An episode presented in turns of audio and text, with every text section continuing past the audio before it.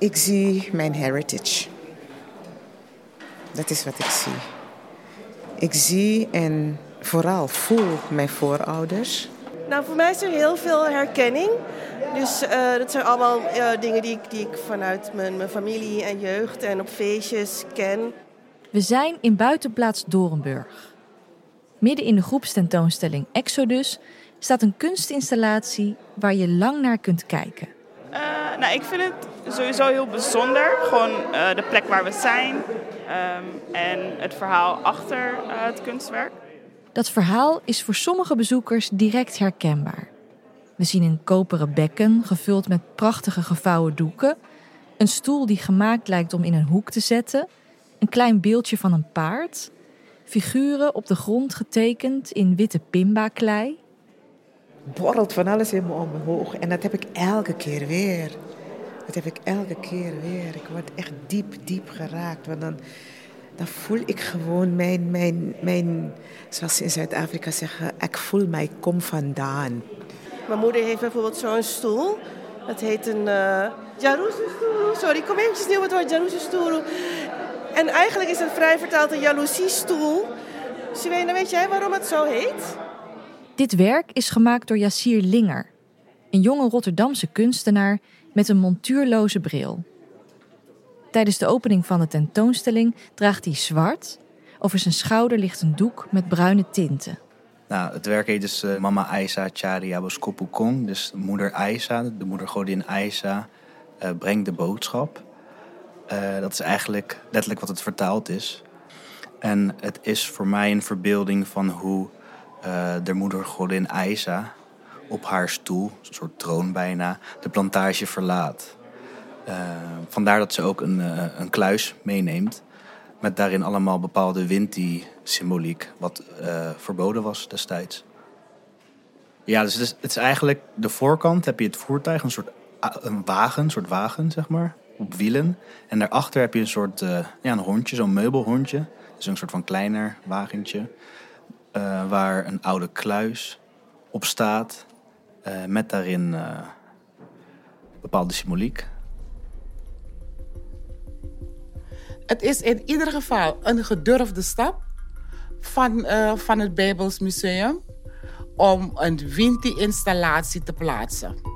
Want de relatie tussen Winti en christendom is niet één van liefde. Dat is Winti-priesteres Marianne Markelo. Een vrouw met een missie: de Winti rehabiliteren. Van haar hoor je straks meer. Ook Yassir heeft een missie. De Winti-symboliek komt terug in al zijn werk. En ik ben zeg maar niet bang om eh, ervoor uit te komen dat ik uh, Winti beleid of uh, probeer in de Winti uh, lifestyle te leven, zeg maar. En om dat ook via mijn kunst uit te dragen, want het heeft wel een bepaalde historie van taboe en ook dat het verboden was. Ik ben ook blij dat Yassir een van de weinige Surinaamse kunstenaars is die zijn spiritualiteit van zijn voorouders 100% betrekt in zijn kunstuitingen. Dit is Exodus de Expo. Van Extinction Rebellion tot Winti. In deze podcast staan we stil bij vier werken uit de groepstentoonstelling Exodus van het Bijbels Museum en buitenplaats Dorenburg. In deze tentoonstelling zijn 28 kunstwerken te zien die het eeuwenoude verhaal Exodus verbinden met ons leven nu. Mijn naam is Lotte en in deze aflevering ga je luisteren naar Mama Aisa Chari Aboskoppel Kong. Mama Aisa brengt de boodschap. Yassir is een van de kunstenaars, zeg ik altijd, die mij en andere mensen die de Winti willen rehabiliteren, die de Winti willen zuiveren van de negatieve invloeden van kerk en samenleving en kolonialisme Yassir helpt ons bij wijze van spreken om de Winti te decoloniseren. Dat is al vanaf mijn veertiende mijn missie.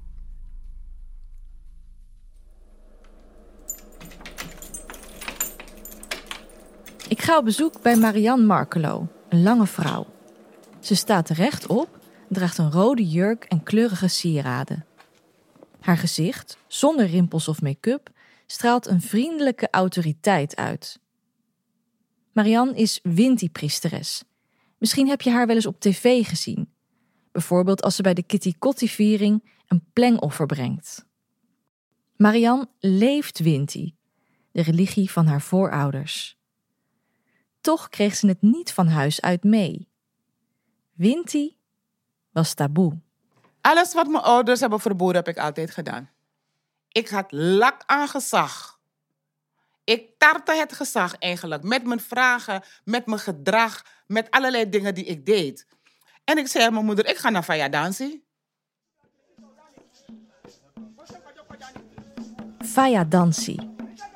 Een winterritueel uitgevoerd door mannen uit het dorp waar bijzondere dingen gebeurden.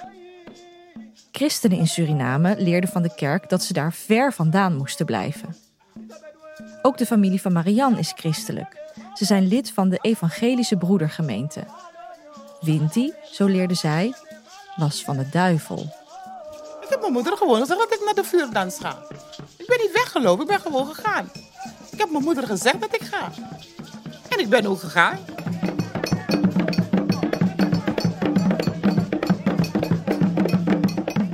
Marianne, dan nog een tienermeisje, zit in het publiek met grote ogen. Ik zag ze gewoon transformeren. Je zag ze aan het begin, waren ze voor iedereen aanspreekbaar. Ze spraken ook gewoon hun Okanisi-taal. En het moment dat ze de overgang maakten om echt in het vuur te gaan, spraken ze een andere taal. Je zag ze ook helemaal hun gelaatsuitdrukking veranderen. Je zag bij wijze van spreken, bij sommigen zag je hun spiermassa echt toenemen. Die biceps echt, die bovenarm werd echt groot. Je zag ze transformeren.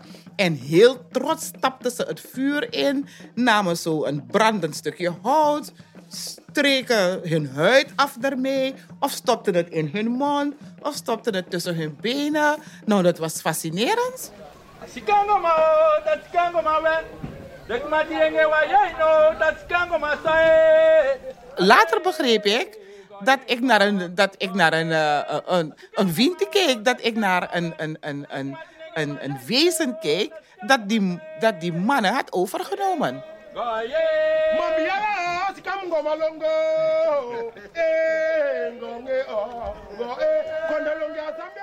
Het zaadje was geplant. Hier moest ze meer van weten. Ze neemt een radicale beslissing. Dus toen ik 14 jaar oud was, heb ik aan mijn ouders verteld dat ik vanaf die dag niet meer naar de kerk ga. Ik ga de kant van de cultuur opzoeken. Dat ga ik onderzoeken en dat ga ik leven. Ik ga niet meer naar de kerk, niet meer naar de zondagschool en ik ga andere dingen doen. Toen ben ik me bezig gaan houden met de echte geschiedenis van Suriname. Niet de geschiedenis die zegt dat de mensen die voor de vrijheid hebben gezorgd, dat het uh, misdadigers waren en brandstichters. Nee, maar dat het helden waren. Die geschiedenis ben ik gaan opzoeken. En als je je met de Winti gaat bezighouden, dan doe je mooie ontdekkingen over het leven, de natuur en de mens, maar ook de schepper. De mannen die Marianne had zien dansen, waren in trance geweest. In de Winti-religie betekent dat dat een Winti, een bovennatuurlijk wezen, je overneemt. Het kan ook zijn dat een overleden voorouder je overneemt als je in trance bent. Voor sommige mensen klinkt dat misschien griezelig, maar niet voor Marianne dus. Trans gaat over contact maken met jouw andere bewustzijn.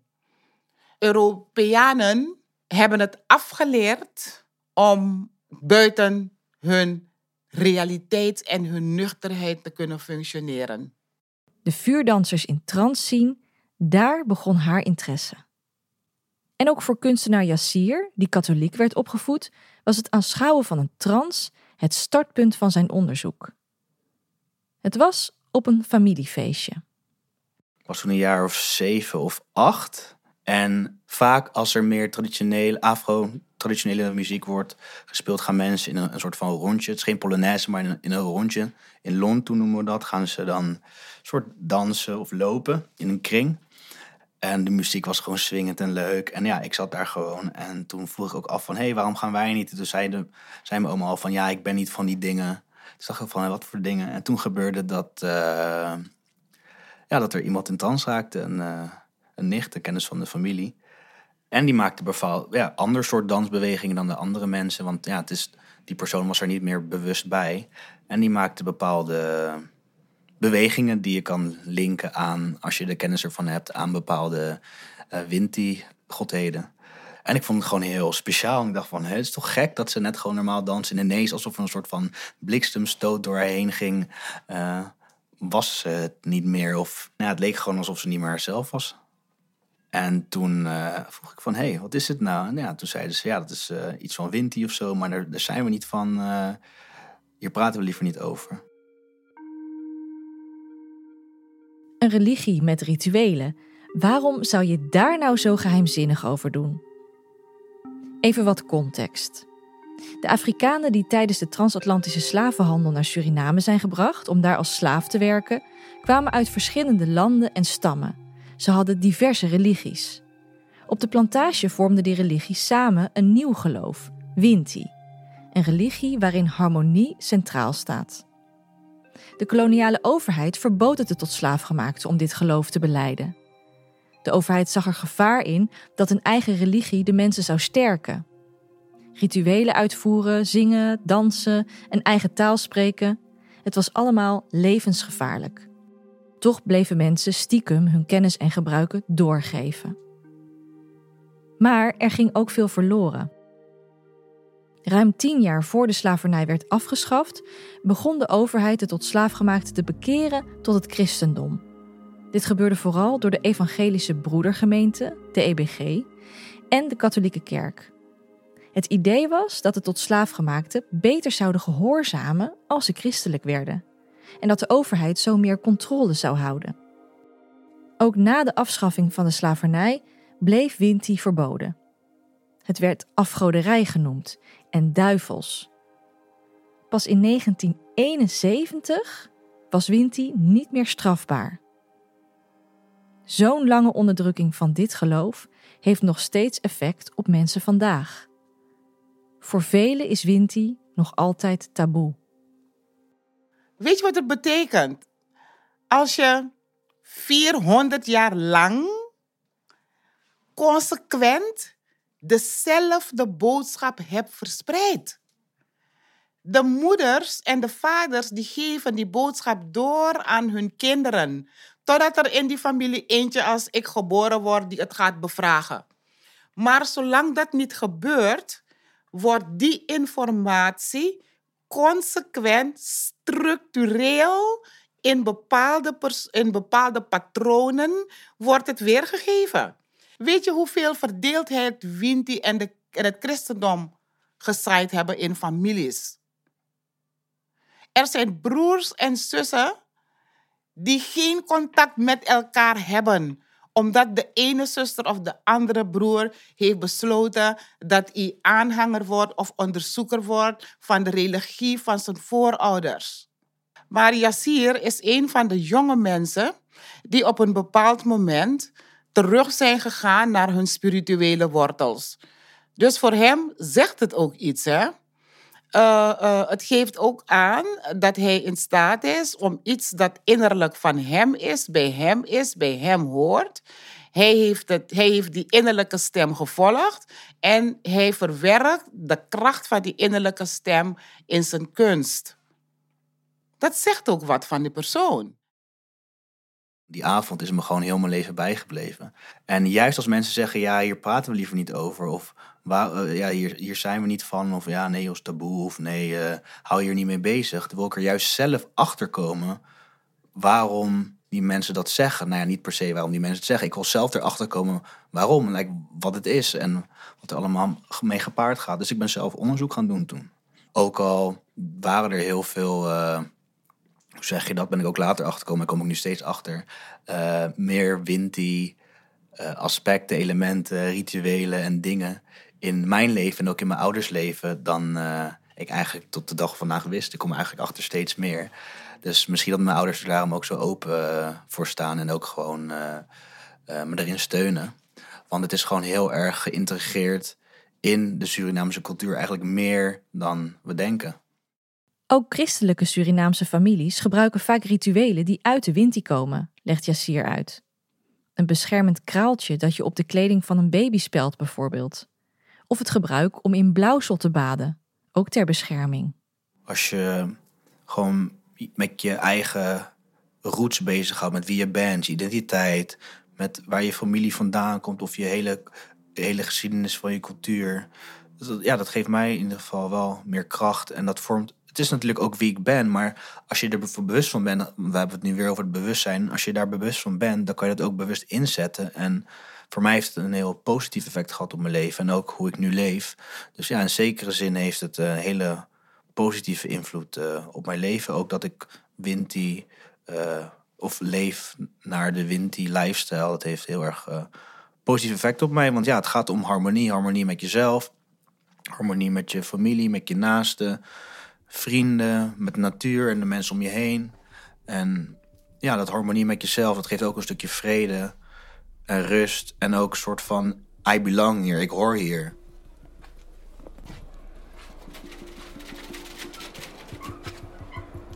Marianne neemt me mee haar tuin in, naar haar persoonlijke heiligdom. Kijk, er gaat een roldeur omhoog. Dit is eigenlijk een, een huisje in uw tuin. Ja. Waar u werkt. Moet ik het ja, zo zien? Waar ik, uh, waar ik consulten doe, waar ik bid. Weet je, dus het is hier is mijn altaar. Een soort kleine tempel. Ja, ja, dat is het inderdaad.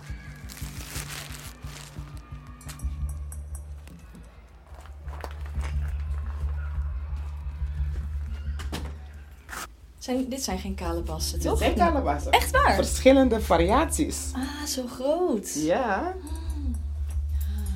Ja, en die worden gebruikt? Bij verschillende rituelen. Ja, ja bij verschillende rituelen. En uh, die hele grote gebruik ik bij rituelen, wassingen, weet je. En uh, er zijn ook kalebassen mee die we bij rituele maaltijden gebruiken. Ja.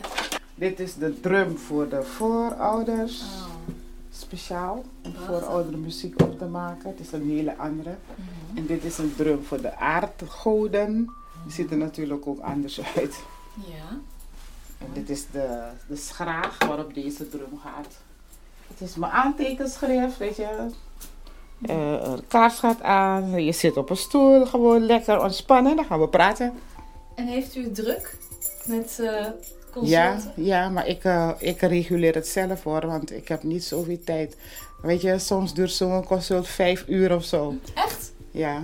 Omdat ik gewoon de tijd neem. Ik doe ook maar één persoon. Eén, één persoon in de maand of zo. Want ik moet ook andere dingen doen. Ik vraag haar wat haar geloof in de praktijk voor haar betekent. Lotte, geloof me. Ik ben echt nergens bang voor. En omdat ik vertrouwen heb in Kedwaman Kedwampong. Ik heb vertrouwen in de schepper. Ik heb vertrouwen in Maisa. En het is vertrouwen in een combinatie van weten. Ik weet dat mijn wegen beschermd worden.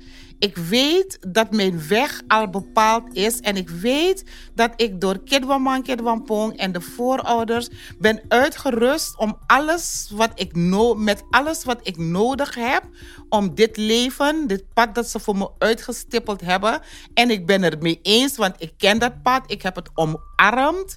Ik heb bevestigd van dit wordt mijn missie. Ik ga ermee aan de slag. Dus ik ken geen angst. Ik sta op s morgens en dan lig ik in bed, denk ik van, aha, ik ben blij, ik ben wakker. Ja, ik ben wakker, want ik had even zo goed dood kunnen liggen. Ja, denk ik van, ik ben wakker zo, dus ik mag weer van Kinderman, Kinderman Pong. En ik mag, weer, ik mag weer van Maisa.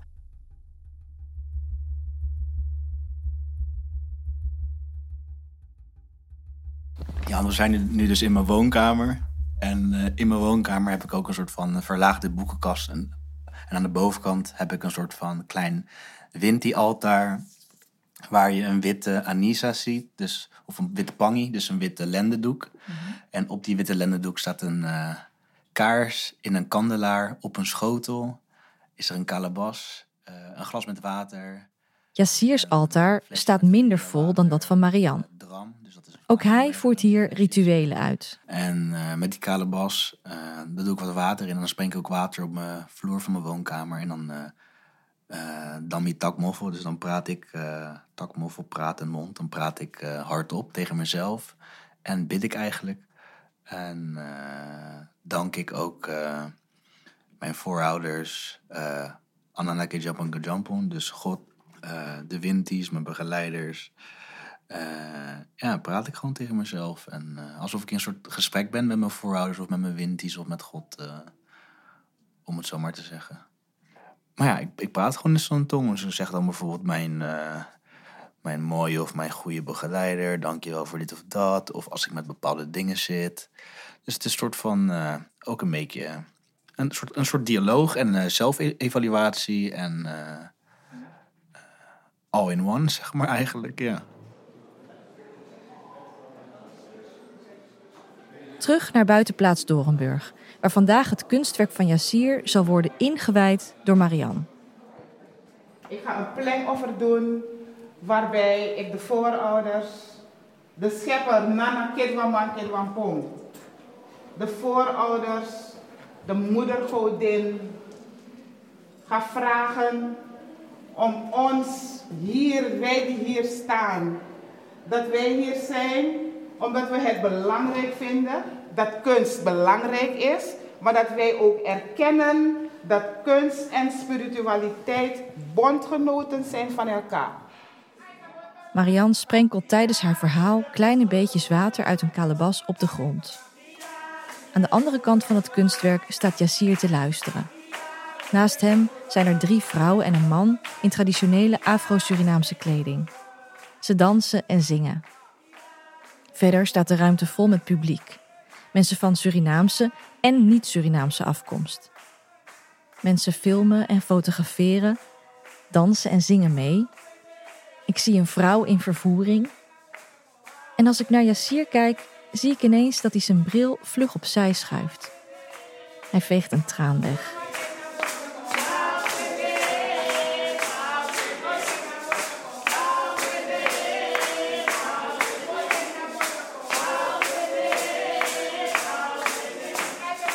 Je luisterde naar Exodus de Expo, van Extinction Rebellion tot Winti.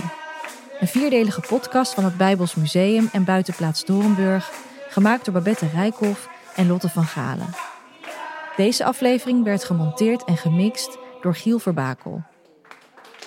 De groepstentoonstelling Exodus is tot en met 24 september 2023 te zien in Buitenplaats Dorenburg in Maarsen. Kijk op exodus.nu voor meer informatie.